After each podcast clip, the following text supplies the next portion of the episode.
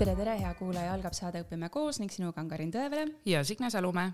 sari Õpime koos Euroopas jätkab tuuritamist ka sel hooajal, et tutvustada ja luua koostöövõimalusi piiri taga tegutsevate haridusmaastikku inspireerivate eestlastega. projekti toetab Eesti Vabariigi Välisministeerium ning Integratsiooni Sihtasutus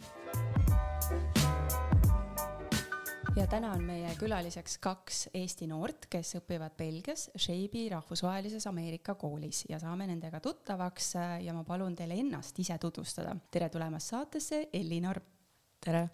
kus koolis sa enne Belgiasse kolimist käisid ja mis klassi sa seal Eestis lõpetasid? ma käisin äh, Tallinna Saksa Gümnaasiumi ja ma jõudsin seal viienda klassi ära lõpetada. ja Ella-Maria, kust tuled sina? Äh, mina tulen Tartu Veeriku koolist, kus ma käisin kuus aastat ja siis kolisin Belgiasse. Eesti koolist, mis te mäletate sealt, mis on nagu sellist, et mis on nagu, et oh, Eesti koolis oli nii ja siin räägite täna oma sõpradele võib-olla ka kuidagi, et toote mingeid Eesti kooli näiteid. on midagi sellist? tunniplaan. tunniplaan, Eesti tunniplaan, mis see tähendab, tunniplaan? Äh, põhimõtteliselt Eestis meil olid neljakümne viie minutilised tunnid äh,, iga päev mingi seitse tundi umbes mm aga siin meil on äh, tund kolmkümmend. üks tund? üks tund ja neli tundi päevas mm. -hmm. mis Ella sinul on nagu selline, mis on Eestist? ma arvan, et lõunapausid on väga teistsugused, vähemalt kuuendas klassis oli alati ikka sööklas käisime söömas Eestis ja kandikud ja praad. siin on nelikümmend viis minutit, võid käia poes, võid minna pitsat sööma, võid minna kohvikusse, võid endal toidu kaasa võtta ja ja sööklast tuleb üldse sellist äh, pigem äh, külmutatud toitu, et inimesed pigem võtavad ise süüa kaasa või lähevad ja ostavad pausi ajal et need on nagu sellised esimesed suured, kõige suuremad erinevused. aga mis te teadsite enne sellest koolist, kui te siia tulite? no mina läksin alguses middle school'i, kaheksas klass oli teises äh, hoones, kuigi noh, enamus asjad on täpselt samasugused, lihtsalt teine maja ja mis iganes. aga mina suurt midagi ei teadnud, nii et esimene päev astusin sisse, võib-olla paar päeva ennem käisin koolituuril. ja, aga noh, see on ka, need on suured majad, nii et ühe päevaga seal paar minutit ringi kõndida nagu ei saa, ei saa head nagu skeemi endale pähe, nii et minu esimene päev suht oligi õpetaja käest küsisin nii, kus see järgmine klassiruum on palun juhatada või siis läksin mingisuguse inimesega kaasa ja lootsin, et äkki jõuan õigesse klassiruumi ja, ja meil on ka hommikuti äh, teises klassis on äh,, ma ei tea, announcements hommiku. teadaanded. teadaanded ja seal on alati pledge of allegiance, mis on, et peab üles tõusma, peab lipu poole pöörama ennast ja siis äh, kas ameeriklased päriselt ütlevadki selle pledge'i, kui sa ise ei ütle seda, siis lihtsalt seisad ja annad au põhimõtteliselt ja siis istud maha ja, ja ütlevad sulle, mis päevas toimub, aga see oli esimesel päeval oli, ma mõtlesin, et kuhu me nüüd lähme ja siis üks sõbranna mul kõrval ütles, et lihtsalt seisa üles ja siis istu maha et minu jaoks oli see nagu šokk mm. -hmm. mis see pledge, see on siis lipuvanne jah mm? -hmm. see, mida me oleme näinud Ameerika filmidest vist, et yeah. Mm, yeah.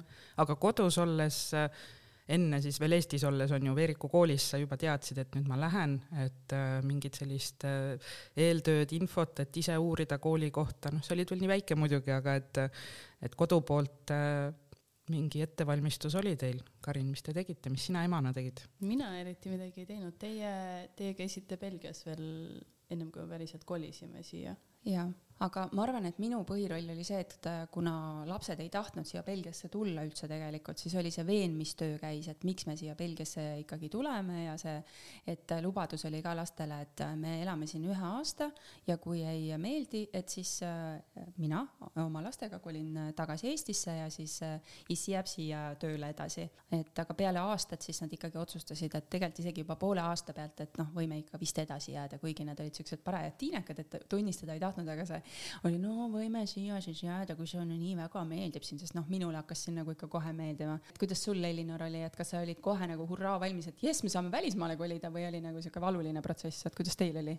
mina tegelikult väga tahtsin siia tulla, mu vennad üldse ei tahtnud, aga mina olin ainukene nagu algusest peale, et äh, jah, ma tahan siia kolida. kas sa uurisid ka selle kooli kohta midagi, riigi Belgia kohta, milline oli sinu eeltöö kodus? Ma ei teinud mitte mingisugust eeltööd, ma lihtsalt tulin kohale ja siis see oli kõik. mida ma öelda tahtsin, oli see, et äh, ma arvan, et minul läks kõige raskemini nagu sõprade leidmisega ja kõike seda vendadega võrreldes, aga ma tahtsin kõige rohkem siia tulla ja kõi-, kõige rohkem ka ära minna lõpuks et sa praegu tahad ära minna sealt? ei, praegu hetkel nüüd mul on nagu väga palju uusi sõpru ja nüüd ma väga tahaks jääda siia lõpetama mm. -hmm. mida me tegime küll, oli see, et ähm, kui siia kolida, siis äh, Eesti ja Ameerika ko koolisüsteem nagu selles mõttes ei ühildunud, et Ella hüppas äh, ühe klassi edasi äh,. Ellinor, sul oli sama jah? jah. ise mäletate või teate, et miks see sihuke hüpe toimub uh,? see oli vist rohkem sellepärast, et uh, need siin Ameerika koolis tahtsid, et me oleksime oma vanuseastmega koos, mitte nagu teadmistega, aga samas Ameerika süsteem on nagu natuke teistsugune ka, nii et noh, nagu meie level oligi ilmselt nagu tegelikult nende ühe aasta kõrgemal levelil. Mm, ma arvan, et kõige lihtsam on võrrelda mingisugust matemaatikatundi mm, -hmm. et seal oli, ma arvasin, et läheb raskeks ja et, et ma olen maas või lihtsalt ei saa aru, aga tegelikult nagu kõik oli arusaadav ja ma ei tundnud, et mul on mingisugune et ma olen puudu jäänud milleski või, või et ma peaksin kordama mingit klassi või ma ei tea, mis iganes.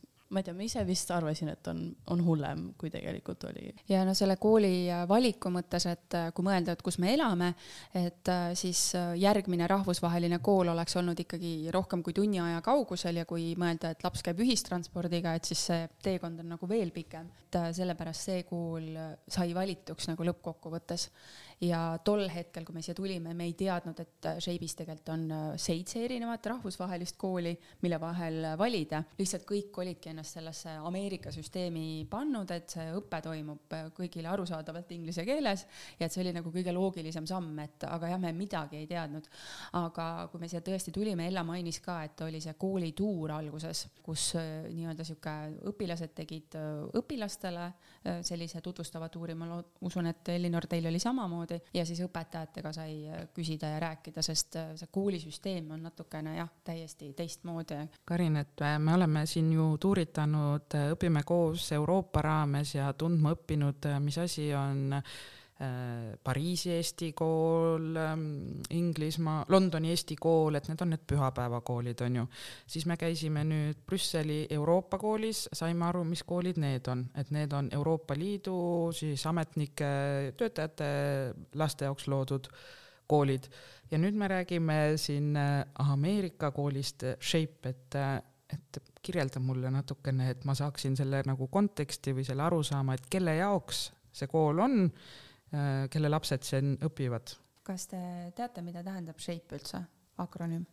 Supreme Headquarters Allied Powers Europe. et vanemad, kes selles süsteemis siis nii-öelda töötavad, siis nemad saavad oma lapsed panna sinna Shape'i Ameerika kooli, aga nad võivad panna ka siis äh, Shape'is asuvatesse muudesse koolidesse, näiteks Belgia sektsiooni, Briti sektsiooni, Norra, Kanada, mis iganes sektsiooni nad soovivad panna, aga see Ameerika süsteem on siis, on siis nii-öelda kõikidele rahvusvahelistele nagu, nagu see inglise keel on siis see, mis tagab selle, et see õpe on seal nagu okei okay siis enamikele riikidele. Ja, ja kui me Ellaga tegime väikse eksperimendi ka, siis Ella proovis äh, tegelikult ka kohalikku kooli minna, ehk siis äh, prantsuse sektsiooni, kus on ka rahvusvahelised õpilased. ei äh,, Belgia kooli läksin.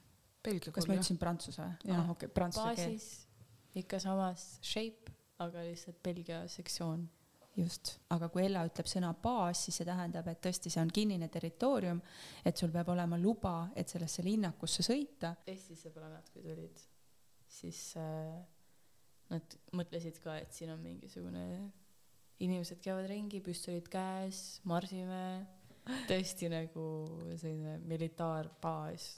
noh, mis ta on militaarbaas, aga meie jaoks on ta nagu tõesti lihtsalt nagu linn, mis on piiratud. see minu arvates ongi nagu rohkem ongi linnake, et meil on seal kino, meil on seal äh, söögikoht, meil on bowlingu äh, kohad, siis meil on nagu pood. haigla, kino. täpselt nagu see ongi nagu väike linnakene lihtsalt, aga see ei ole kõigile kättesaadav mm. -hmm ja perimeeter siis on seitse kilomeetrit. inimesed elavad ka selles baasis sees, aga enamik jah elab väljaspool ja sisenemine on siis ainult äh, lubadega, et sul peab olema põhjus, miks sinna minna aga miks on äh, selles äh, baasis, ma saan aru, okei okay,, kool on, on ju, ja osad inimesed elavad, aga miks seal on kino ja bowling ja et miks te ei või nendes kohtades käia siis nii-öelda sealt baasist välja? Kui Ameerika baasides käia, siis see tähendabki seda, et automaatselt sinu töökohaga kaasas on see, et sul on haigla, sul on kino, sul on noh, see süsteem on kõik samamoodi, see ja see ideaalis peaks olema kõik nii-öelda ingliskeelne, et äh, see baas on eelkõige loodud ju ameeriklastele, et teised rahvused on sinna juurde tulnud, et neil oleks see turvavõrgustik nii-öelda olemas, et see baas pakub nagu kõike elementaarset. et kui mina Ameerikast on ju tulen siia, et siis ma tean, et mul on kõik siin olemas selles ühes kohas, ma ei pea hakkama ise otsima neid võimalusi, vaid et, et kui ma võib-olla siis ongi ju roteerun, on ju, ma saan aru, mhm. mingite mm -hmm. aastate tagant, et aasta tagant või pooleteise aasta tagant. Lähen uude baasi, et siis mul on, kõik on juba tuttav teada, et see on nagu see üks kindel süsteem mm, -hmm. jah ja noh, näiteks äh, kui me räägime suurematest baasidest, sest äh, Shape'i baas on väga väike, siis suuremad baasid ongi nii, et noh, ka see toiduketid peavad olema teatud arv neid, et et see oleks nii-öelda niisugune normaalne USA baas, et suur selline sõjaväebaas tähendab ka seda, et golfiväljak on seal või et seal on McDonalds, Burger King ja veel mingid toiduketid ja, ja sa saad osta täpselt neid toiduaineid, mida sa läheksid kohalikust supermarketist USA-s ostma.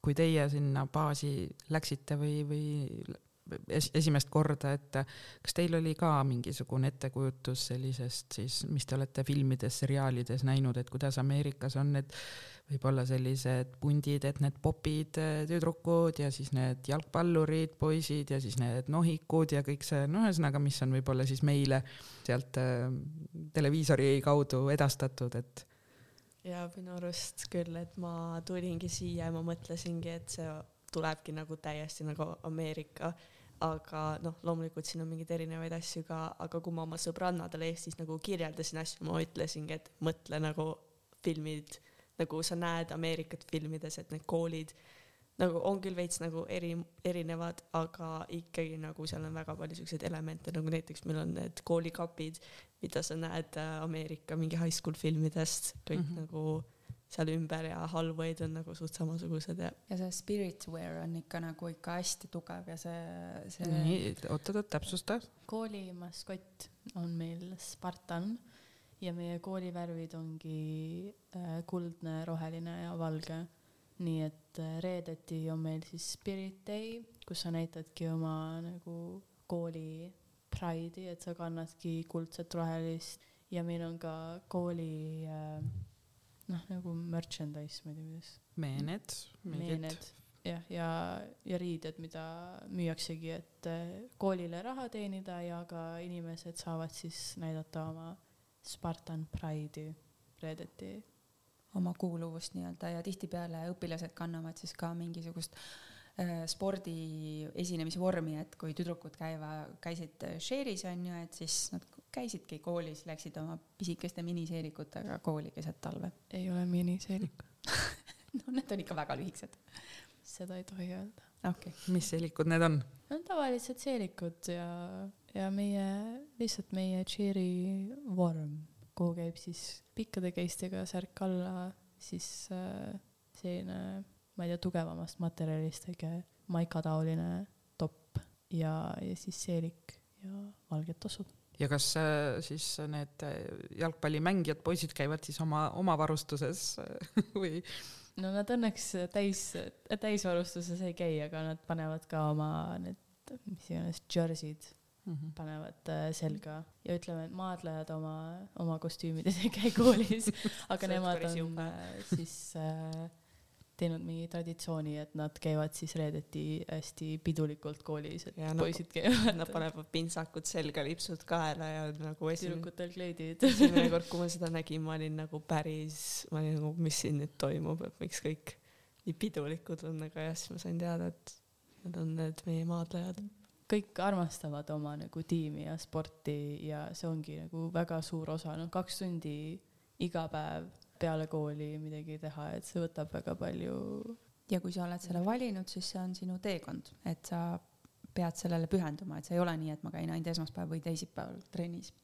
jah mm -hmm., väga, väga kindlad reeglid on. Äh, kui sa näiteks mingi kaks äh, trenni ei lähe ilma mingi vanema nagu loata, siis äh, sind visatakse lihtsalt tiimist välja, et äh, siis näha, nähakse, et sa nagu ei commit'i sellele, et sind nagu nii-öelda ei huvita ja sul lihtsalt ei lubatagi enam rohkem trenni minna. Ja selleks, et trenni saada, sa pead kõigepealt katsed läbima, et sa üldse oled kõlbulik kuuluma kas jalgpallimeeskonda, maadlustrenni, tenniseklubisse või mis iganes äh, sellesse klubisse. Ja see, see võistluslikkus on hästi tugev, sest äh, aasta jooksul need äh, koolid võistlevad omavahel erinevates spordialades, toimuvadki tennisematšid, maadlusmatšid üle Euroopa, et õpilased reisivad Itaaliasse, Saksamaale, Portugali nendes samades Ameerika baasikoolides.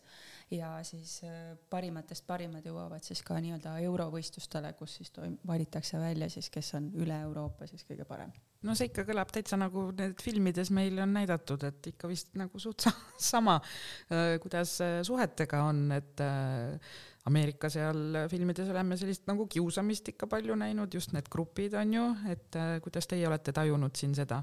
ma arvan, et meie koolis ei ole nagu nii palju kiusamist, kindlalt nagu mingi sor-, mingisugust sorti on, aga see on ka siis nagu väga salalik, ma arvan, et siin ongi nagu väga low bullying mm. tolerance ongi null tole-, tolerants on. jah, et äh,. aga kuidas seda saavutatud, kuidas see saavutatud on äh,? minule räägiti kaheksandas klassis, et kui mingi kooli äh, füüsilised konfliktid, konfliktid on, siis äh, see võib nii kaugele minna, kui et vanemad vallandatakse ja saadetakse nende, neil, neid koju tagasi, nii et nagu ma arvan, et väga paljud õpilased käivadki KIK-i-varvul, et mitte nagu väga pahandustesse sattuda, et muidu vanemad on ka nagu väga pahased. inimesed teavad, et nad tulevad rahvusvahelisse kooli ja keskkonda, et sa juba ootad seda, et inimesed on teistsugused ja siit tulevad igast maailma nurgast inimesed kokku, nii et sa, sa juba tead, et sa pead olema lahke ja hooliv ja, ja õppima teiste kultuuridest, ennem kui sa midagi valesti ütled või kedagi, kedagi haavad et see suhtumine, millega siia tullakse, on ju, et see on nagu jah, siis see, mis, mis peab õige olema, mis peab paigas olema, et olen ise avatud, siis ollakse ju minuga tore ja kena ja arvestatakse minu kultuuri ja minu eripärade ja kõigega, et mm. -hmm. mis huvitav on, on see, et kooliüritused võib-olla on natukene ka teistsugused, et äh, kuidas ähm, teile tundub, et kui te võrdlete Eesti kooliüritusi, võrdlete siin kooliüritusi, et äh, mis teile silma kõrva on jäänud, et millised on erinevused?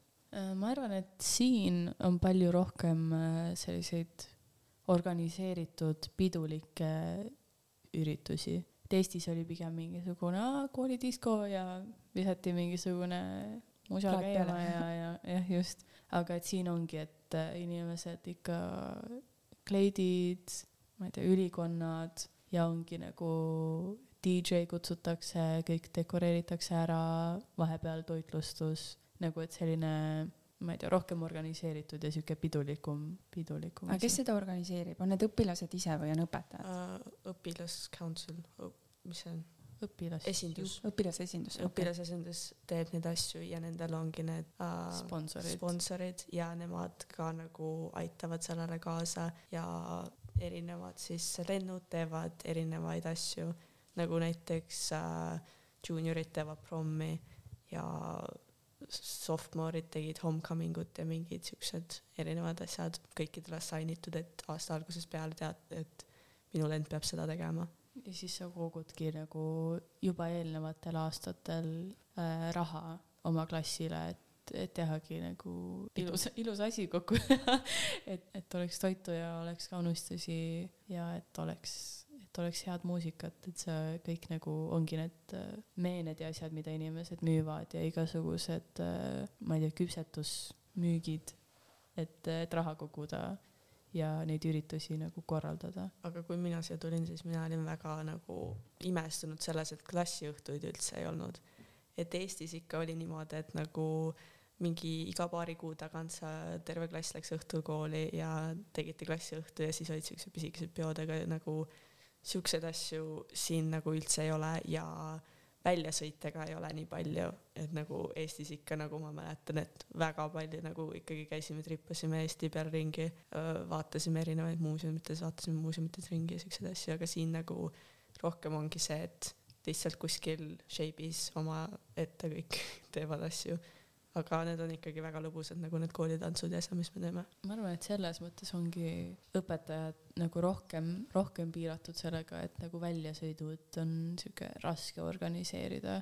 kõik me oleme shape'lased, nii et meil peavad olema nagu mis iganes eriload ja asjad, et ja vaatame, et kõik ameeriklased saavad igale poole sisse ja meie saame igale poole sisse ja et, et kõik on reeglite järgi, et nagu eriti Ameerika koolis ongi kui mina tahan koolist äh, nagu välja minna või lähen arsti juurde või mis iganes, siis äh, vanem peab kas helistama või, või kirjutama ja siis ma võin koolist lahkuda, et see on nagu, et kõik õpetajad alati tahavad teada põhimõtteliselt, et kus sa oled ja direktor ja nagu sellel väga hoitakse silm peal, nagu näiteks kui me tahame WC-sse minna, siis me peame ka ühe nagu siukse väikse vormi ära täitma, et mis meie nimi on kust, äh, mis meie grade level on ja et kuhu me siis lähme, et kas me lähme kuskil kooli arsti juurde, mingi teise õpetaja juurde, WC-sse, mingeid siukseid asju. ja siis sa paned oma aja, millal sa klassist lahkusid ja aja, millal sa tagasi tuled no see on turvakaalutlustel on ilmselt piiratud see ekskursioonidel käimine, et paljud vanemad töötavad väga kõrgetel kohtadel ja seal tekib see turvarisk, et, et sellepärast ei toimu, ei toimu ka neid üritusi võib-olla nii palju ja kui nende vanemate olijatega siin rääkida, kes ongi, noh, see Shape on asutatud viiekümnendatel siin ja kes veel mäletavad neid aegu, siis tegelikult Shape oli avatud kõigile ja kõik võisid sinna minna, aga kuna siis olid ka sellised nii-öelda terrorirünnak oli sellele baasile, siis jah, see asi keerati nagu väga lukku, et et, et see, on see põhjus. Ja kooliüritused, pallid ei toimu ka siis sellepärast väljaspool, sellepärast et noh, lapsed on ju kõige lihtsam sihtmärk, eks ju, et, et väga seda turvalisust nagu hoitakse nagu kõrge, kõrgel tasemel no seda ma olen märganud siin kõikides nendes ähm, Euroopa koolides ju, et ongi hunnik turvamehi kõigepealt äh, tervitab sind äh, esimesena, kõik mingid kaelasildid pead näitama ette, kes sa oled, kust sa tuled, et. ja sul peab olema kutse, et kes sind ikkagi kutsus sinna, et lihtsalt niisama, et jah, ma lähen oma dokumendiga, et siis, äh, siis see ei õnnestu, et äh, ma mäletan nagu seda aegagi, et äh, kui ma Ellale läksin lasteaeda järgi kunagi, et kui me USA-s elasime, et isegi see, et ma olin mitu korda käinud seal, ma pidin ikka oma isikut tõendavat dokumenti näitama ja et äh, mis oli teie jaoks esimene asi, mis nagu üllatas kohe, nagu kui te kooli läksite esimesel päeval? see, kui puhas kõik oli ja nagu mitte, et Eesti koolis nagu räpased oleksid või midagi, aga lihtsalt kõik on nagu valge ja nagu uus. jaa nagu see oli väga üllatav. meie Eesti, minu Eesti koolis, kus Veerikul oli kõik kivipõrandad ja, ja kõik oli suht, ma ei tea, kollane oli vist ainuke värv, mis oli seintel, aga siin on nagu tõesti ongi nagu kõik vikerkaarevärvid kuidagi koolis ja et ma ei tea, tõesti on ilus ja avar mm, -hmm. palju valgust on mm. -hmm aga kui äh, see esimene sisenemine oli ära ja see tutvustus, siis ma arvan, et järgmine šokk, oota, mis asja, et ma pean hakkama mingeid aineid valima. et äh, middle school'is võib-olla seda ei olnud alguses, aga high school'is juba oli, eks ju, et et anti tunniplaan ja öeldi, et valige nüüd ained, et äh, kas see tekitas mingit segadust ka või mäletate seda veel? ma tean, et middle school'is oli suht, minul ainuke valik oli, et mis keelt võtta või et vist ühe tunni sain lihtsalt valida, et mingi valikaine lisada aga teised asjad olid kõik nagu juba matemaatika, kirjandus, ajalugu olid juba, olid juba mulle antud, et ma pean need võtma. aga high school'is oli tõesti põhimõtteliselt vaba valik nelja aasta jooksul, kui sa peaksid siin lõpetama, siis sa pead mingi posu aineid kindlasti võtma. jah, aga pigem ongi, et sa pead lihtsalt mingil hetkel selle krediidi kätte saama, et sa oled seal käinud ja teinud, aga põhimõtteliselt sa võid ise valida, mis vanuses sa saad seda teha mm. -hmm no Elinor, sina oled nüüd selles seisus, et äh, tõenäoliselt sa siin koolis äh, ei lõpeta, et ennem tuleb tagasi Eestisse kolida. et äh, kas sa oled nende valikainetega nii-öelda läinud lihtsama vastupanu teed ja valinud siukseid huvitavaid aineid või vastupidi, oled sa ennast nii-öelda valmistanud ette, et ai, ma pean võtma näiteks hullult raskeid klasse, et Eestis jätkata nagu? Middle school'is ma rohkem valisin neid asju, mida ma tahtsin võtta, aga nüüd high school'is ma viimased nagu nüüd kaks aastat olen ikka vaadanud, mida mul Eestis rohkem vaja on. nagu näiteks siin nad äh, ei tee nagu füüsikat ja keemiat koos ühel aastal ja mina teen nüüd neid see aasta koos, sest et peale seda aastat ma pean Eestisse tagasi kolima ja neid mul on vaja kümnendas klassis. no Ella, sinu valikained? ma olen väga tänulik, et ma juba üheksandas klassis esimesel nagu high school'i aastal võtsin väga palju neid mingisuguseid keka ja need kõik sellised lihtsad, lihtsad ained ära jah, et nagu, mis krediid mul nagu vaja on päriselt, nii et nüüd mul on rohkem vaba valikut, et võtta psühholoogiat ja ma ei tea, statistikat ja nagu valida, et, et mis mul vaja on. Ja siis äh, annab ka mulle võimalust ülikooli jaoks nagu vaadata, et mis äh,, mis, mis mul oleks lõpetamiseks vaja ja et, et ülikooli sisse saada. et siit on vaja raskemaid ülikooli tasemel aineid kes nagu hoolitseb selle eest, et äh, ikkagi õpilane jah, teeb selle valiku, aga lõpuks sul krediit on täis, et sa saad päriselt lõpetada, et kas selline inimene on olemas või see on ikkagi igaühe enda vastutus? ma ei tea, kuidas counselor on eesti keeles. ongi nõustaja, õpilasnõustaja. no siis ongi kolm nõustajat on meil koolis, kes äh, tavaliselt ongi aasta käigus lihtsalt kutsuvad sind oma, omale kontorisse ja, ja vaatavad üle, et kõik on ikka kõik läheb ikka hästi ja kõik on joone peal. jah, nad teevad minu arust nagu väga hea töö selles, et kõik on, kõik on väga hästi organiseeritud ja sa ise tead, mis toimub ja sa ise saad nagu valida veel, et kui sulle mingi tund ei sobi, mingi valikaine, siis sa võid minna ja öelda, et mm, ma tahaks midagi, midagi muud proovida nad on väga vastutulelikud. ja nende valikainetes ja tavaainetest rääkides siis veel, et äh, on võimalus valida nii-öelda AP-aineid, et äh, kas sina, Elinor, tead, mis on, asjad on AP-ained? loomulikult tean. no mis need AP-ained on uh,? Need on põhimõtteliselt um, nagu kolledži ehk siis uh, ülikooli levelil ained, mida sa saad võtta ja väga paljud Euro Euroopa ülikoolid vaatavadki nagu, kui sa oled tulnud international koolist, et uh, sul oleks hästi palju AP aineid et äh, need on nagu tarkadele inimestele.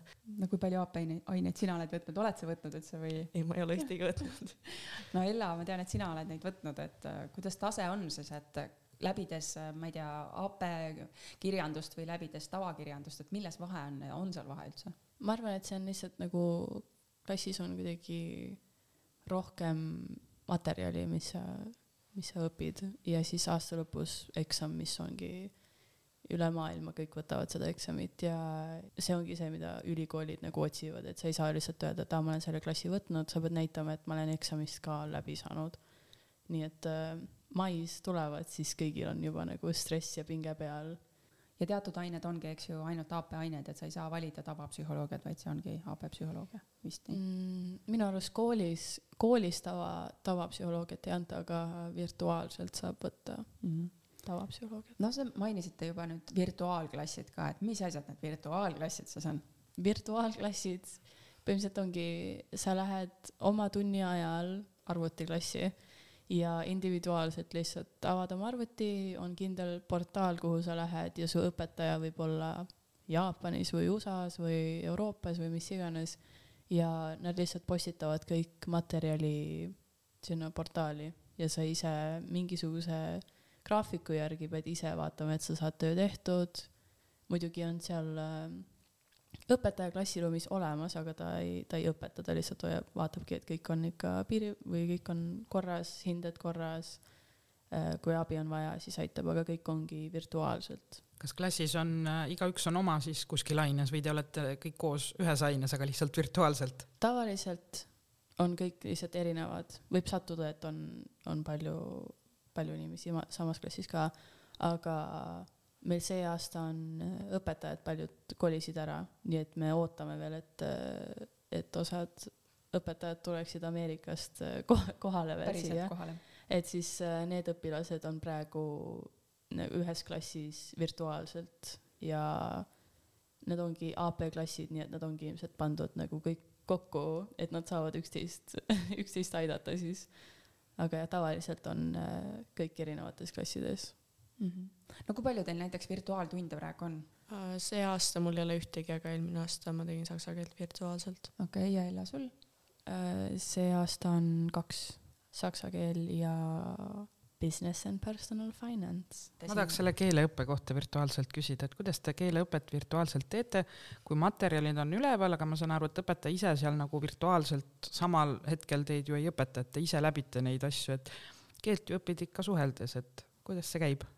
Saksa keelega on, nad kasutavad mingisugust portaali, kus ongi palju lugemis, kuulamis, rääkimisharjutusi, et sa teedki lihtsalt räägid põhimõtteliselt iseendaga, jah, mingi osa nagu jääb puudu minu arust sellest. ma ei oska vabalt suhelda, aga noh, lugemine, kuulamine ja kirjutamine on nagu minu arust okei okay., et ongi lihtsalt töötan ise selle harjutuste, nende harjutuste kallal. ma tulingi sellepärast äh, saksa keelest ära, et minu jaoks nagu ei olnud see nii hea, kuigi ma käisin saksa gümnaasiumis ennem, nii et nagu mul oleks vist pidanud lihtsam olema. aga noh, jah tulingi ära, sest et minu arust see ei olnud piisavalt, et ma ei saanud inimestega suhelda ja ma ei saanud enda arust piisavalt selgeks seda. Können wir jetzt auf Deutsch sprechen? Ja oder nein? Nein. Nein. okei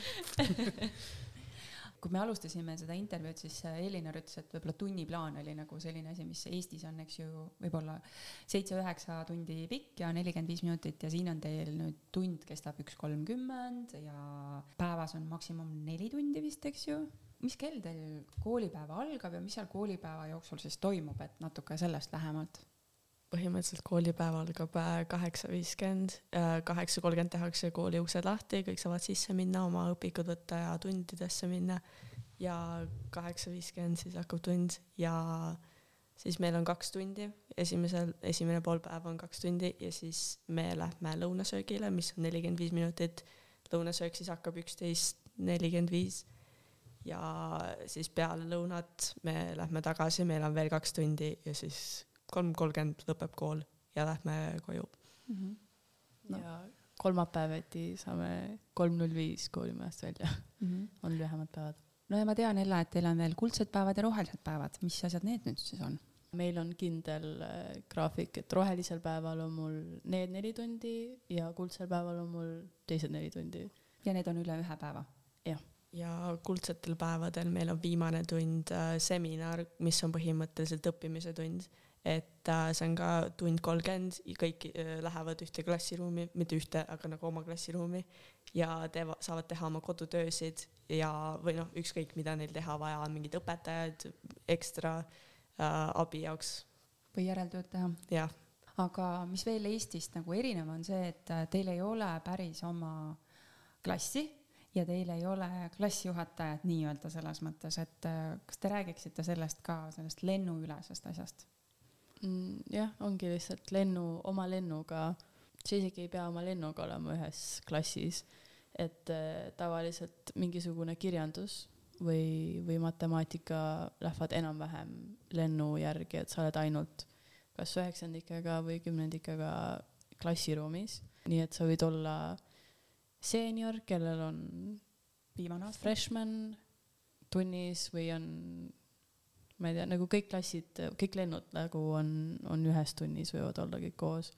ja klassijuhatajat ei ole, aga on lennu sponsor, kes vaatab, et kõik on nagu rahaliselt äh, ma ei tea, korras, sest meil on fundraising, et minna klassireisidele või, või lihtsalt minna kinno või mis iganes. et siis nemad korraldavad neid asju ja põhimõtteliselt vaatavadki, et kõik ilusti sujub ja läheb täppi. suhtlevad vanematega ilmselt ka uh,, kui on vajadust mm. -hmm. jah noh, et annavad teada, et tuleb äh, bake sale ah, nii-öelda see saiakeste asjadega mm. -hmm. mulle tundub see paras kaos, et äh, kuidas see nagu igapäevaselt on, et sul on freshman koos ja senior ja kõik, et et Eesti peale mõeldes seesama tunniplaan on ju, et kui me nüüd justkui võtame selle ära, igaüks valib ise ja paneb, et ongi ju siis mingid kohad, kus on väga palju õpilasi koos, siis ei ole üldse, et kuidas need, et kuidas see reaalsuses kõik välja näeb? No reaalsus on vist see, et äh, kui mingid kohad on täis, siis sa ei saa seda klassi valida enam, et äh, see on, et mi, miks ei saa olla nii, et äh, kõik jaotuvad ühesõnaga võrdselt, aga Ella tahtsid midagi öelda? vahetunnis, mis on viis minutit, on suht selline, on küll kaos seal koridoris ma ei tea jah, siis kui on noh, nagu ained, mis on, milles sa oled oma lennuga koos, siis need on suht võrdselt lihtsalt jagatud, et kõik peavad olema seal põhimõtteliselt. aga teised tunnid jah, et see, kes esimesena, esimesena valib selle tunni, siis see saab endale ja ja see valik toimub juba eelmise õppeaasta lõpus, ehk siis need, kes on varasemalt selles koolis olnud, saavad selle valiku ennem teha.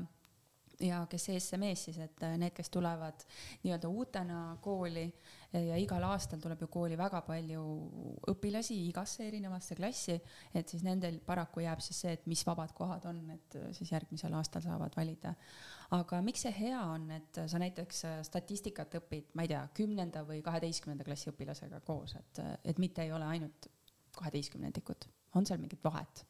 ma arvan, et põhipõhjus, miks nagu inimesed noh, erinevad klassid on koos, on see, et mõndadel inimestel on äh, mõned tunnid juba ära tehtud.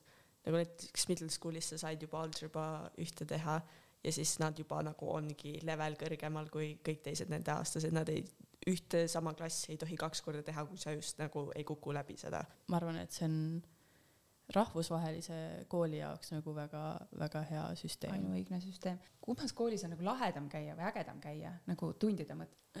Mina arvan, et siin on lahedam käia, ma arvan, et see tund-pool äh, annab kuidagi õpetajale rohkem vabadust, et kõik ei ole nagu, ma ei tea, Eestis ma tean, et osades tundides me tegimegi, ma ei tea, kontrollisime kodutöö ära, õpetaja rääkis kümme minutit ja tund oli läbi ja me ei saanudki eriti midagi uut õppida või teha.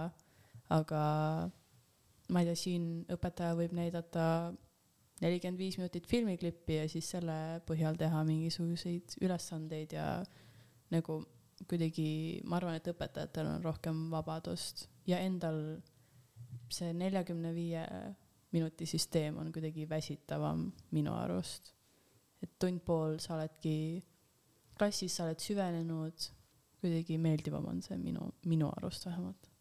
minu arvates ka, et siin on nagu palju parem selles suhtes, et mulle meeldib ka see tund kolmekümnene, et ma, minu arust jääb nagu kodutöösid ka veits vähem sellepärast et nagu ongi, et Eestis sa teedki ühe peatüki ja siis sa pead nagu mingi sellest pool peatükki veel endale selgeks midagi tegema. jääb alati lõpetada. jah, et midagi jääb alati sul lõpetada, aga siin ikkagi enamasti sa saad tunni lõpuks mingid asjad valmis, lihtsalt kodus pole väga teha. no ikka kodutööd jääb, aga meil on seminar ka ja see võib ka veits aidata et noh, ma tean, Ella, et sa oled ise öelnud, et mingid asjad on sind siin koolis viinud nagu mugavustsoonist välja, et sa oled pidanud tegema asju, mida sa Eesti koolis varasemalt pole pidanud tegema.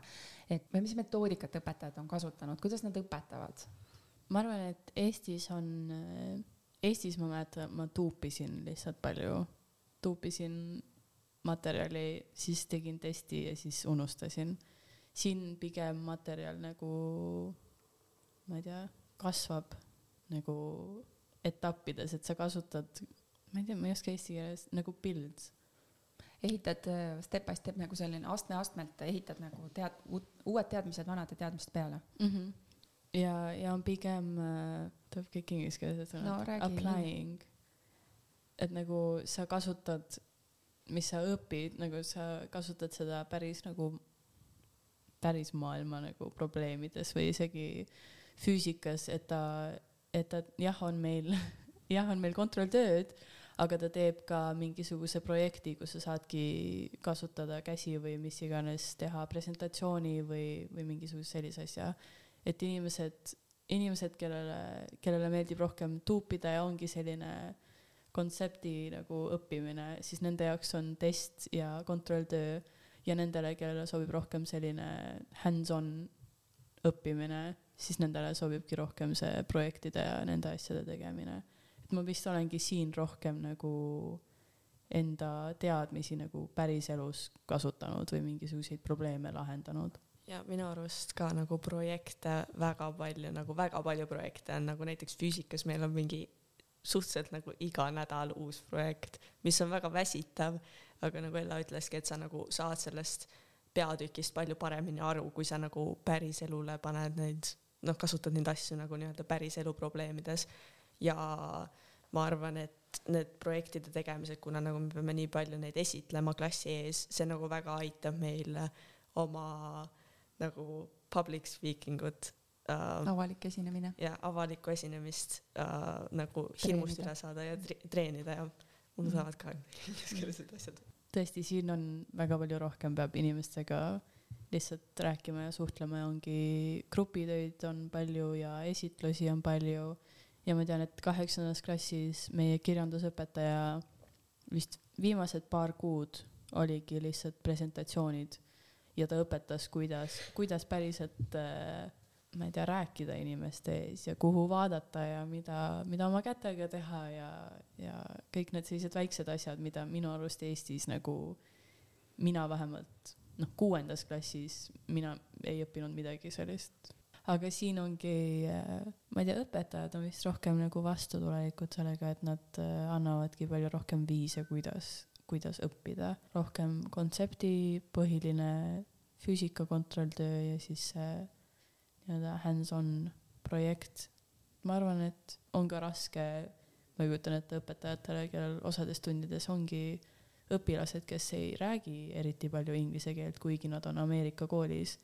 et äh, siis nendel õpilastel ongi, nad peavad sellega arvestama ja noh, nad ei hakka Ameerika ajalugu õpetama kellelegi, kellel ei, kes ei oska isegi inglise keelt, et nad ütlevad, et okei okay,, siin on põhiasjad, mis on vaja teada, need, kes, kes oskavad juba paremini, kellel on huvi selle vastu, siin on teile rohkem informatsiooni, et nad peavad kindlasti nagu arvestama väga palju selle tasemete erinevusega kui palju teevad äh, aineõpetajad omavahel koostööd nende projektide raames, sa ütlesid, et iga nädal füüsikas uus on ju, et see on väsitav palju, aga kas te nagu märkate ka seda, et mingid ained teevad koostööd, et see üks projekt katab nagu mitu ainet ära? või on ikka igas aines on oma projekt ja oma asi ja äh,? igas aines vist on pigem oma projektid, aga selles suhtes, et kui sul on abi vaja mingi projektiga, ütleme füüsikas, siis sa võid ka minna keemiaõpetaja juurde sellega abi küsima, et nagu selles suhtes, et kõik on väga valmis aitama. Ja nagu mõned, nagu näiteks inglise keeles mul äh,, mu õpetaja võttis mingi, ma ei tea, mis tund see isegi on, nagu ajakirjandustunnist mingi projekti ja siis me tegime seda kõik koos, eh, mis oli nagu päris raske, aga nad nagu laenavad üksteiselt materjali ja ikkagi nagu õpivad ise ka õpetamise käigus. minu arust ei ole pigem nagu projektipõhiline see, et sa teed koostööd, vaid et eh, materjal nagu võetakse siis, et, et kui meie õpime praegu, ma ei tea, noh, ütleme lihtsalt, kui me õpime matemaatikas liitmist ja lahutamist, siis füüsikas me teeks ka liitmist ja lahutamist samal ajal, et me ei tee füüsikas mingisuguseid raskemaid probleeme kui matemaatikas. sellega teemad toetuvad üksteisele mm. -hmm. ja ma arvan, et ka meie kõik nagu keeleõpetajad ja kool on nagu divided nagu jagatud, jagatud äh, erinevatesse äh,, issand, ma ei oska eesti keelt. Jagatud äh, erinevatesse nagu klassitüüpidesse või noh, et kirjandus ja sellised taolised ained on ühes sektsioonis ja, ja ajalugu ja igasugused nagu social sciences on ühes, ühes äh, koridoris ja matemaatika ja siis igasugused keemia, füüsika. et äh, need õpetajad on tavaliselt nagu töötavad hästi palju koos ja et on nagu ma ei tea, see on Ameerika koolis on minu arust nagu, et reedeti ma tean, et kõik äh, science õpetajad kannavad äh, sarnaseid särke ja ma tean, et nüüd on ajaloo koridoris ka, neil on nagu ostsid endale ajaloosärgid, mida nad kõik kannavad mingi esmaspäeval, ma ei tea, mingi sellist asja. Inglise keele õpetajad ka minu arust kannavad mingeid särke mm. -hmm. jah no sa ütlesid ära, et oh, ma ei oska üldse eesti keelt, on ju, ei tule sõnu, et äh, kas Ameerika koolisüsteemis teie eestlastena äh, kas te eesti keelt ka saate õppida võõrkeelena, on see asi, mida te üldse ei õpi või kuidagi siis virtuaalselt või et kuidas eesti keelega lood on? Põhimõtteliselt, et äh, eesti keelt nagu meie kool ei paku, aga läbi Eesti mingi, mingid õpetajad aitavad meil nagu õppida läbi Skype'i et äh, iga nädal on ükskord tund äh,, mis on nelikümmend viis minutit pikk ja siis me teeme ka mingisuguseid äh, nagu ülesandeid ja asju, et ikkagi nagu eesti keelt natukene säästa mm -hmm. nii-öelda. hoida. hoida, jah.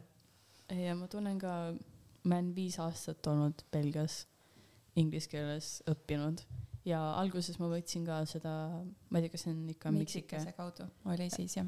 Ähm,? võtsin seda vist esimesed kaks aastat, siis äh, tegin kaks aastat pausi ja, ja nüüd võtan uuesti äh, kaheteistkümnes, kaheteistkümnendas klassis, sest et ma ise tunnen, et et eesti keel on longab üle künga, ütleme niimoodi, et ma arvan, et inglise keeles on minu jaoks nagu lihtsam, lihtsam rääkida, et ma ise olen nagu mõtlen inglise keeles ja ja kuidagi noh, sest ma teen nii palju koolitööd nagu ma pean kogu aeg lihtsalt ingliskeelset teksti looma, et mul on lihtsam ennast väljendada inglise keeles kui eesti keeles, et eesti keeles ma pean mõtlema sõnade peale ma tean, et Elinoriga vahepeal me koos mõtleme, et mis sõna see on ja siis me proovime igasuguseid, ma ei tea, vahetame paar tähte ära ja mõtleme, et kas see nüüd kõlab õigesti kas see on midagi, mis on äh, teie enda soov on ju või teie perede soov, äh,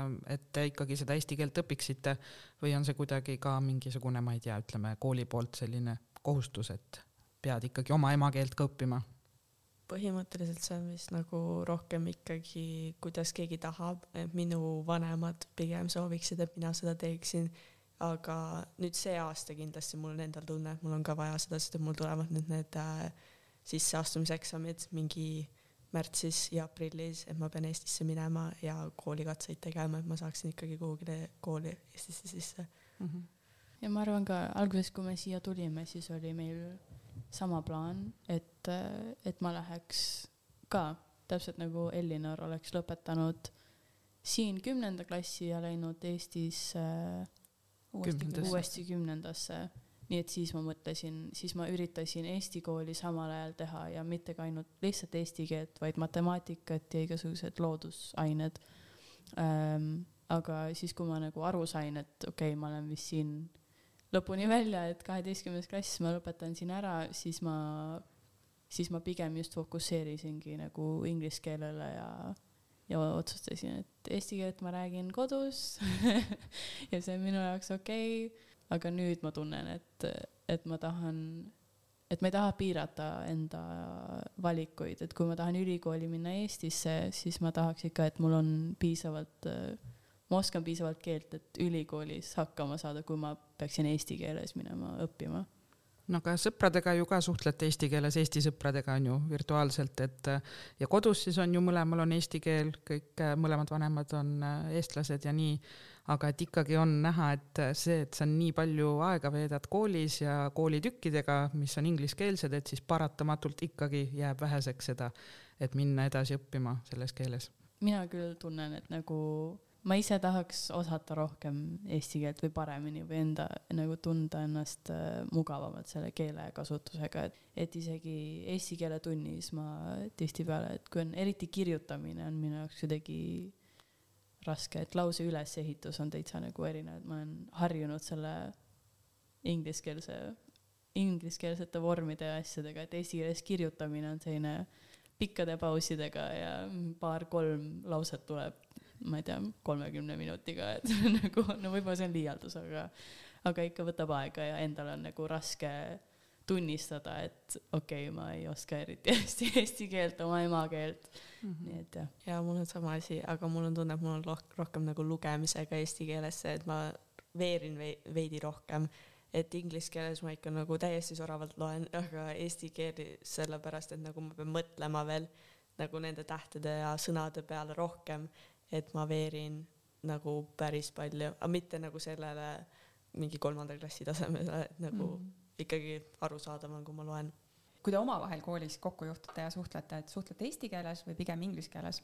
me räägime estonglish'is, see on eesti, eesti-inglise keele miks, aga pigem ikka eesti keeles, aga tihtipeale ongi sõnad, mis ütleme nii-öelda eesti aktsendiga, aga ingliskeelsed sõnad, noh, isegi ma ei tea, science, ütleme nagu lauses ikkagi inglise keeles, aga pigem eesti keeles on siuke tore rääkida, inimesed yeah. ei saa aru. ja see ongi see, et nagu me, meil vahest nagu, kui me räägime, siis inimesed tulevadki meie juurde, et nagu mis keelt te räägite, et me isegi ei teadnud, et te mingit teist keelt räägite ja et see ei ole päris keel ja siis me oleme nagu oih, ups, vabandust. palju eestlasi teie koolis praegu õpib? Mina sain kuus vist. ma sain seitse. no siis on seitse. kuus-seitse päris vähe, ma olen üllatunud, ma arvasin, et rohkem ikka, et. Middle school'is ja elementary school'is on ka veel inimesi mm., aga meie high school'is on jah, väga vähe. aga sõbrad on teil äh, pigem eestlased või pigem muudest rahvustest? muudest rahvustest, ma arvan, et Ella ongi mu ainuke Eesti sõber koolis. jah, ongi Elinor, Kaspar, tema vend ja, ja veel üks poiss, kes on nagu eestlased, aga nendega on ka, pigem näen nagu ainult koolis neid või, või Eesti üritustel, et pigem lähedased sõbrad on, on teistest rahvustest. no mis rahvustest äh, teie sõbrad näiteks on, et kas on nagu mingi see, et ma ei tea, et eestlast tõmbab nagu võib-olla, ma ei tea, lätlaste või leedukate juurde rohkem, et tunnete mingit lähedust või, või mis riigid või ongi üle maailma nagu need äh, riigid? no nimeta lihtsalt rahvused, lihtsalt põnev teada äh,. mul on Austriast sõber ja siis mul on väga palju ameeriklastest sõpru ja mul on Slovakkias sõpru ja Saksamaalt ja Norrast, Taanist, no ikka nagu üle maailma. üle maailma põhimõtteliselt jah aga kas need on, sa oled tuttavaks saanud nendega läbi ürituste, mis siin kogukonnas on toimunud või on, ongi need kooli läbi tundide või läbi huvitegevuse? pigem vist on ikkagi läbi kooli, et äh, mul on nagu mõned äh, lähedased sõbrad ja siis nende sõbrad äh,, nagu nädi, läbi nende ma olen veel rohkem sõpru saanud. et äh, mõned on loom loomulikult nagu üritustelt ka, aga noh, sõpru kogu aeg koguneb juurde ja ma olen väga äh, uhke enda üle, et ma olen see aasta ja see nagu need aast-, nende aastatega nii palju sõpru saanud. mis sa arvad, Ella, et kas need sõbrad, kes sul täna siin on, et kas nendega suhtled sa ka edasi? jah, nendega, kes mul praegu on, nendega ma suhtlen edasi ja ma tean, et äh, kaheksandast klassist kuni kümnenda klassini olid siin Poolast kaksikud, kellega ma siiamaani räägin ja nad on kindlasti mu parimad sõbrad. aga nagu tänu nendele ma nägin, et jah, tõesti on võimalik, võimalik, et äh, mu sõber on Poolas ja mina olen Belgias või Eestis või kus iganes ja me oleme ikka parimad sõbrad ja ikka räägime ja suhtleme. see aasta on minu sõbragrupp väiksem, sest et lihtsalt mul ei ole enam nii palju aega lihtsalt sotsia-, sotsialiseeruda ja, ja need inimesed, kes on minul lähedal, on kindlasti loodetavasti elu, eluks sõbrad no ja sa juba tead, et sa lähed ära, et see, neid uusi sõpru pole võib-olla mõtet ka luua. kui kerge või raske see on, et äh, tegelikult igal aastal keegi sinu sõpradest läheb ära ja sa võib-olla mitte kunagi teda ei näe, okei okay,, jah, me võime mõelda, et, et näeme kunagi, aga noh, see tõenäosus on ikkagi väike. et kui kerge või raske see on, see uute sõprade leidmine ja, ja jälle omaks võtmine ja iseenda tõestamine ja, ja kuidas see käib? no mina arvan, et alguses oli kindlasti raskem isegi iseendale tõdeda, et okei okay,, see sõber on nüüd, teeb nüüd oma asju ja me ei ole enam sõbrad, aga selle viie aastaga olen nagu õppinud, et jah, osad sõbrad ongi, võivad olla kaks aastat väga head sõbrad ja kõik on hästi, aga kui nad kolivad ära, et siis lähme oma, oma teed. ja see on, see on okei okay., aga kindlasti võttis aega sellega kohanemine, kohanemine, jah no aga peale kooli on äh, tegelikult siin äh, selle kooli juures väga palju selliseid äh, huviringe ja mingeid muud, muid tegevusi, mis nii-öelda aitavad ka võib-olla sõpru leida. et millega sina, Elinor, näiteks peale kooli tegeled veel uh,? mina teen cheer'i, eesti keeles ergutamist uh,. see on meil iga päev peale kooli kaks tundi. Lähen ja teen trenni ja harjutame ja ma ka nagu käin tunnis nimega Ratsi ja sellega on ka väga palju üritusi nagu millega, milles ma pean osalema ja sealt saab ka väga palju, sealt saab ka väga paljude huvitavate inimestega tutvuda. no mida see J-Rotsi tähendab, et äh, see on siis selline militaarkallakuga nii-öelda, me võiks mõelda Eestis, et see on äkki mingi riigikaitse teemaline tund, aga praktilise suunitlusega, no mida te näiteks õpite seal?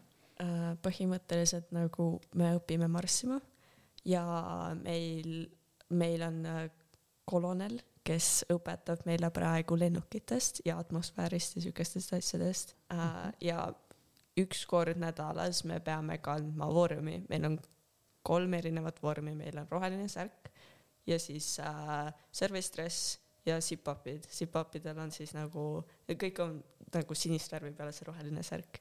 Ja siis esmaspäeviti või teisipäeviti peame igal nädalal seda kandma ja meile, meil va-, meid vaadatakse üle, meil peab kõik ilusti olema, me peame väga soliidsed välja nägema, et see on nagu ka meie hinde osa, et me oskame uniformi ilusti kanda. Teil ka lähevad osad sealt nagu päriselt saavad oma, ma ei tea, lennulaisentsi loa sealt nagu tunnist alustavad ja siis nad lähevad ja, ja saavad loa lõpuks, on ju. ja et kui sa oled äh, kuusteist äh, mingi kuuendaks juuliks, siis sa saad minna Ameerikasse lennukooli põhimõtteliselt, suvekooli, ja sa õpidki lennukiga sõitma, lendama tähendab, ja sa saad oma lennuloa ja nagu ma tahaks seda teha, aga ma ei ole kuusteist selle aja peale ja siis ma kolin ära. nii et see on sihuke kurb asi, aga jah, see on väga tore tund, väga huvitav. äge oleks niimoodi, et läbisin äh, gümnaasiumi, sain ühtlasi piloodipaberid, eks ju. Väga lahe, aga Ella, millega sina oled läbi, läbi äh, high school'i siis tegelenud huviringide mõttes äh,? ma tegin ka äh, neli aastat cheer'i, nüüd otsustasin, et fokusseerin ülikooli peale, aga jah, cheer oli põhiasi, mis ma tegingi äh, sügisel ja talvel. Ja siis kevadel oli tavaliselt mul selline puhka, puhkamine ja eksamiteks valmistumine äh,. ja sellel aastal teen ka NHS-i, mis on National Honors Society äh,. põhimõtteliselt ongi, peale kooli saame kokku, räägime, et mis me saame oma, oma kooli jaoks ja oma ma ei tea, community jaoks teha, et seda paremaks teha ja inimesi, inimesi kokku tuua ja, ja kuidas põhimõtteliselt olemegi, mõtleme, et kuidas, kuidas elu paremaks muuta. Aga kas see jääb mõttetasandile või te teete päriselt ka midagi? Äh, teeme küll, et meil on, äh, ma tean, et aasta jooksul peab olema üks projekt, service project aga meie otsustasime teha vist kaks loodetavasti, et ühe me just lõpetasime, oli ähm, toidu ja muude tarvete annetamine koolis, lihtsalt oli, olid kastid ja ütlesime, et annetage ähm, ja kogusime päris palju toitu ja igasuguseid teisi asju ähm,. aga teine projekt on Shape'is äh, koristada, teha suur, suur koristus ja siis äh, võib-olla pärast teha mingisugune söök-jook, et, et inimesed saavad sotsialiseeruda no minu meelest siin äh, Ameerika kooli eripära on see, et söök ja jook käib iga asja juurde. et mis värk selle söögiga neil on, et kui on mingi kooliüritus, siis kõik toovad äh, oma toidu lauale, kõik söövad kõhu täis ja siis hakkab üritus alles pihta, et mis, mis värk selle toiduga on? ma arvan, et see tuleneb, noh, osa on kultuurist aga ma arvan ka, et enamus, enamus õpilasi teeb mingisugust sporti või, või klubi peale, peale kooli. Nii et kui midagi toimub, siis on juba, kõik juba teavad, et inimesed tulevad trennist, nad tahavad süüa, aga ma arvan ka, et suur osa on kultuurist, et see on lihtne viis, kuidas inimesi nagu äh, kokku meelitada. kokku meelitada jah, ja õppida ka üksteise kultuuridest, et kui ma viin rullbiskviidi lauale, siis ma saan päris palju küsimusi, et alguses, mis see on ja näeb huvitav välja ja siis on ole ju, kus retsept on mis veel on nagu sellised erinevused, kui te olete oma sõpradega rääkinud või mis teid hirmutab, et kui sa nüüd mõtled, et sa pead tagasi Eesti kooli minema? Äh, just see, et nagu ma kardan, et ma olen maha jäänud teistest, et äh, mu sõbrad räägivadki nagu oma füüsikatundidest, keemiast, geograafiast, mingid siuksed asjad, aga ma ei ole väga paljudest neid tundidest nagu, siin ei ole näiteks geograafiat üldse siin ei pakuta ja ma ei olegi seda üldse õppinud ja Eestis äh, nad nagu peavad seda kohustuslikult tegema ja ma ilmselt tagasiminemises kardangi kõige rohkem seda, et ma olen väga-väga maha jäänud ja et ma pean kuidagi nagu midagi kordama või midagi sellist, et millega ma hakkama ei saa. aga kas sa ei arva, et mingites ainetes oled sa võib-olla nendest jällegi ees, sellepärast et sa oled aastas on sul, ühes aastas on sul tegelikult seitse ainu-, ainet, mida sa nagu üle päeva nagu kordad ja kordad ja kordad ja see on nagu laiendatud, et kas mingites ainetes sa tunneksid ennast ka, et jess, ma olen väga tugev selles? ma olen oma äh, sugulasega rääkinud äh, keemiast ja meil on nagu keemia suhteliselt samal levelil ja ta on nagu isegi aasta minust üle ja bioloogias oli sama asi, et nagu suhteliselt samal levelil, nii et nagu ma nii palju ei karda seda, aga nagu ikkagi väike hirm on, et nagu ma võin maha jääda, aga ma arvan, et ma olen nagu inglise keeles loomulikult nagu väga tugev, et ma seda tahaks väga näha, et kui ma tagasi kolin, et kuidas inglise keele tunnid hakkavad olema. no võib-olla antakse sulle siis mingi vabastus, et sa saad eesti keele tunde selle arvelt siis näiteks juurde võtta võib-olla, ma loodaks. või siis nagu, et ongi vaba tund, et ma saangi mingi õpetajate juurde minna ja abi küsida, ma ei tea. ma ei tea, kuidas Eesti koolides nüüd on, sest et kui mina läksin ära, siis oli viis aastat tagasi. paljudes tundides olen ma väga nagu virtuaalselt käib kõik asi. et, äh, et ma lähengi tundi, võtan võtan endale klassis läpaka lahti ja hakkan tööle ja õpetaja annabki materjali virtuaalselt. kindlasti on paberil ka tööd, aga, aga ongi, siin on väga nagu, on kindlad platvormid, mida kõik õpetajad nagu kasutavad ja kõik ongi, ongi online. aga tulevikumuusika, et äh, Elinor siin natukene muretseb ja kevadel ootavad siin äh, need katsed, et äh, kuidas sa valmistud nendeks? Õpid sa praegu juba mingeid Eesti matemaatilisi mõisteid näiteks või, või kas see eesti, eesti keele tund, mis sul on, et kas te, õpetaja nagu arvestab sellega, et okei okay,, et Elinoril on vaja tagasi minna, et äh, mida ta vajab, et ta otsib nagu sõnavara vastavalt äh, sinule uh,? seal eesti keele tunnis me teeme praegu väga palju nagu eelmiste aastate eksamitöösid ja harjutame sellega ja ta panebki meid nagu kirjandeid kirjutama ja mingeid siukseid asju, et meid valmistada ja ta nagu aasta alguses, nüüd siis septembris, küsis ka meilt, et nagu mida me tunneme, et meil on rohkem vaja õppida eesti keeles ja mida nagu, mis meil on tugevam, mis meil on nõrgem, et siis ta nagu vastavalt sellele aitab meid ja mul on ainult kaks inimest, nagu mina ja üks teine poiss oleme ainult seal tunnis. Nii et nagu sellega on nagu päris palju nagu võimalust, et mm -hmm. meil no, suht privaattund on teil ikkagi. ja mm, -hmm. ja mu ema kirjutas äh, mu vanale koolile, küsis, mida ma teha saaksin, nad ütleksid, et ma telliksin endale ühe matemaatika õpiku, kus on siis ka nagu ülesanded eelmistest, eelmise aastate eksamitest e ja ma sain selle eelmine nädal kätte ja ma ei ole veel jõudnud midagi sealt teha, aga nagu nüüd ma pean hakkama sealt ka õppima endale asju ja vaatama, mida ma ei oska ja mida ma oskan aga Ella, sinul saab äh, keskkool läbi, et mida sa kõige rohkem taga hakkad igatsema sellest keskkooli ajast? ma arvan, et see shape teeb kõik nagu lihtsaks, et mu kool on, kool on baasis, minu, minu spordi ja peale, peale kooli on kõik asjad, ma olen ikka baasis, poes käin baasis ja sõpradega olen baasis ja kõik on, kõik on ühes kohas minule väga meeldib high school'is olla, ma tean, et osad mu sõbrad on juba, et nii, ma tahan lõpetada ja ma tahan ülikooli minna. ja see on kõik väga sihuke tore, aga ma ikka mõtlen, et, et siin on kõik nii hästi ja ma olen sisse elanud siia ja kõik on nii mugav. aga kindlasti lähen oma mugavustsoonist välja nüüd järgmine aasta no ma võtan siis nüüd äh, vaikselt kokku, et äh, Ella, sinu tulevikuplaanid, et Elinori tulevikuplaanidest saime siin natuke teada, et mis sina edasi plaanid teha? Äh, ma plaanin minna ülikooli kusagil Euroopas. et minu plaan on kas, kas Eesti või siis siin Belgiale lähedal kusagil Saksamaa, Holland, Prantsusmaa. mida see tähendab nüüd sinu jaoks, viimane aasta, et ja ülikooli astumine, et mida sa tegema pead, et, et nagu ülikooli minna? palju, palju eeltööd, et USA diplomiga on suht raske Euroopas koolidesse sisse saada. nii et ma peangi vaatama, et mul on piisavalt krediite, et üldse Shape'is kool lõpetada, et mul on kõik matemaatikatunnid ja asjad olemas äh,. aga ma pean ka vaatama, et mul on piisavalt AP aineid, et, et mida ülikoolid tahavad kindlasti näha ja tegema noh, erinevaid eksameid ja töid juurde, et näidata, et, et ma ikkagi oskan ja olen, olen suuteline neid asju tegema.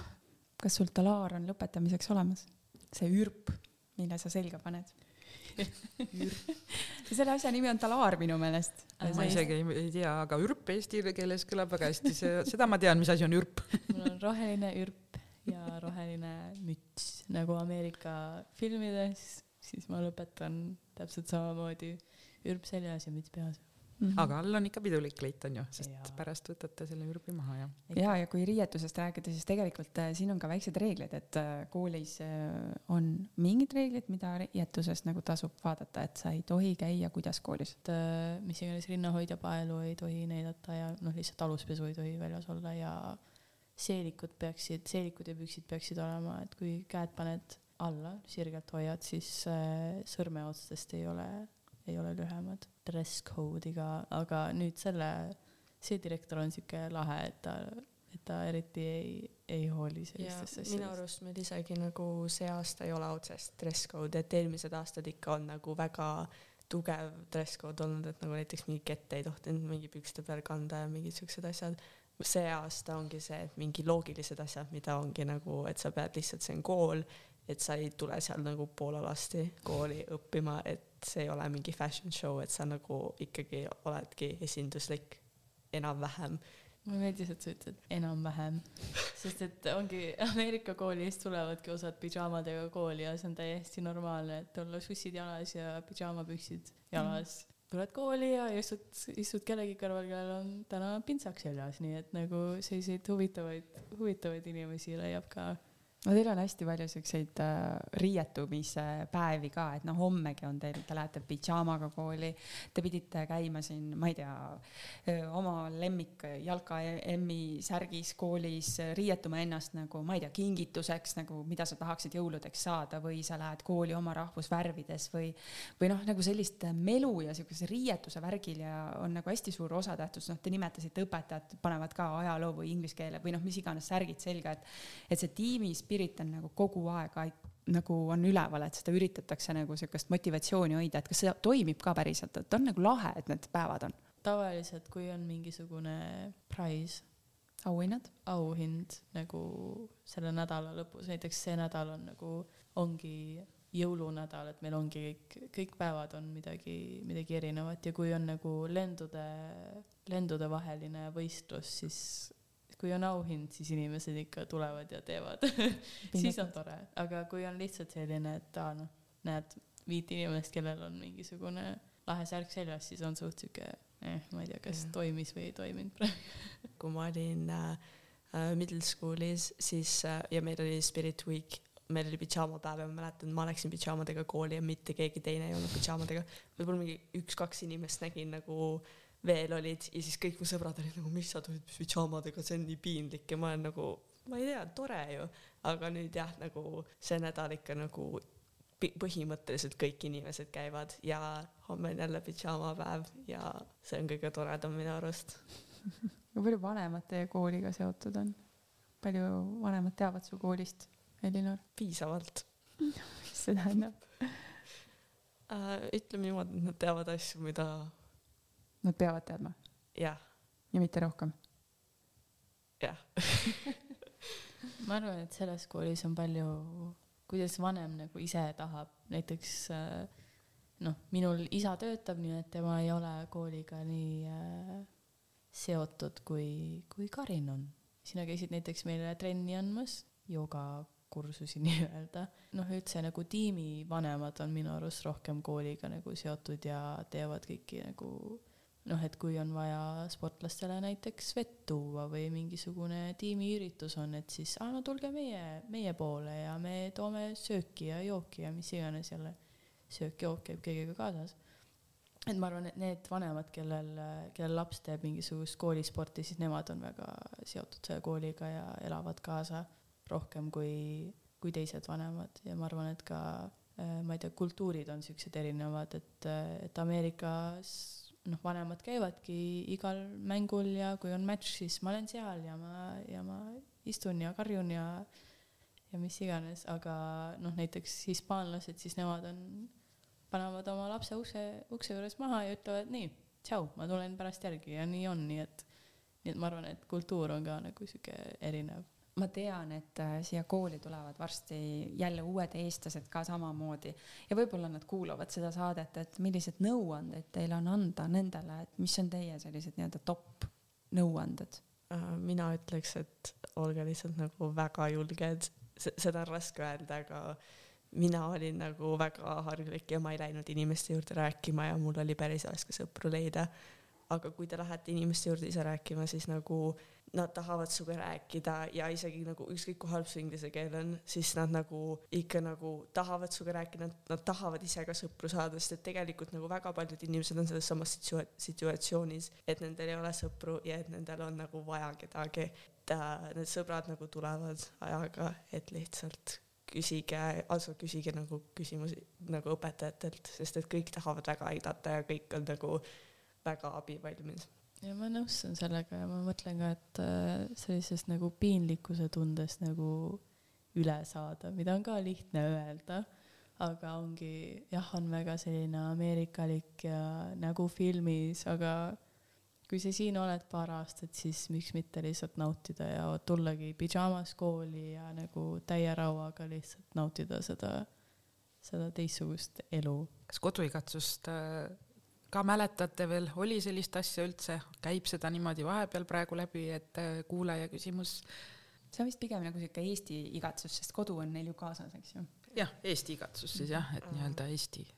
loomulikult on nagu, ma tundsin see aasta eriti veel väga kuidagi, et nagu koduigatsus on, et koduigatsus just ei tähenda nagu, et Eesti igatsus, et ma tahaks siit ära kolida, sest et mul ikkagi kõik sõbrad ja kool ja kõik asjad on siin aga ma lihtsalt võib-olla tahaks Eestis natuke tihedamini käia ja sellepärast ma ka väga ootan oma eks-, eksameid minna tegema, sest et ma aprillis siis olengi terve vaheaeg Eestis ja ma tean, et see saab nagu väga lõbus olema. ja kindlasti on sellist, ma tunnen, et ma Eesti kultuuri kuidagi igatsen ja ongi noh, ma ei tea, teiste inimeste jaoks on nagu siin koolis imelik äh, kuulata, et aa jaa, suur osa meie vaba, vabaseismisest või iseseisvumisest oli laulmine ja tantsimine ja kätest kinnihoidmine aga nagu minu jaoks on see nii lahe ja ma väärtustan Eesti kultuuri rohkem nüüd, kui ma siin olen nagu ära olnud mm. -hmm. et kindlasti on jah, Eesti kommid ja Elinor tõi üks päev meile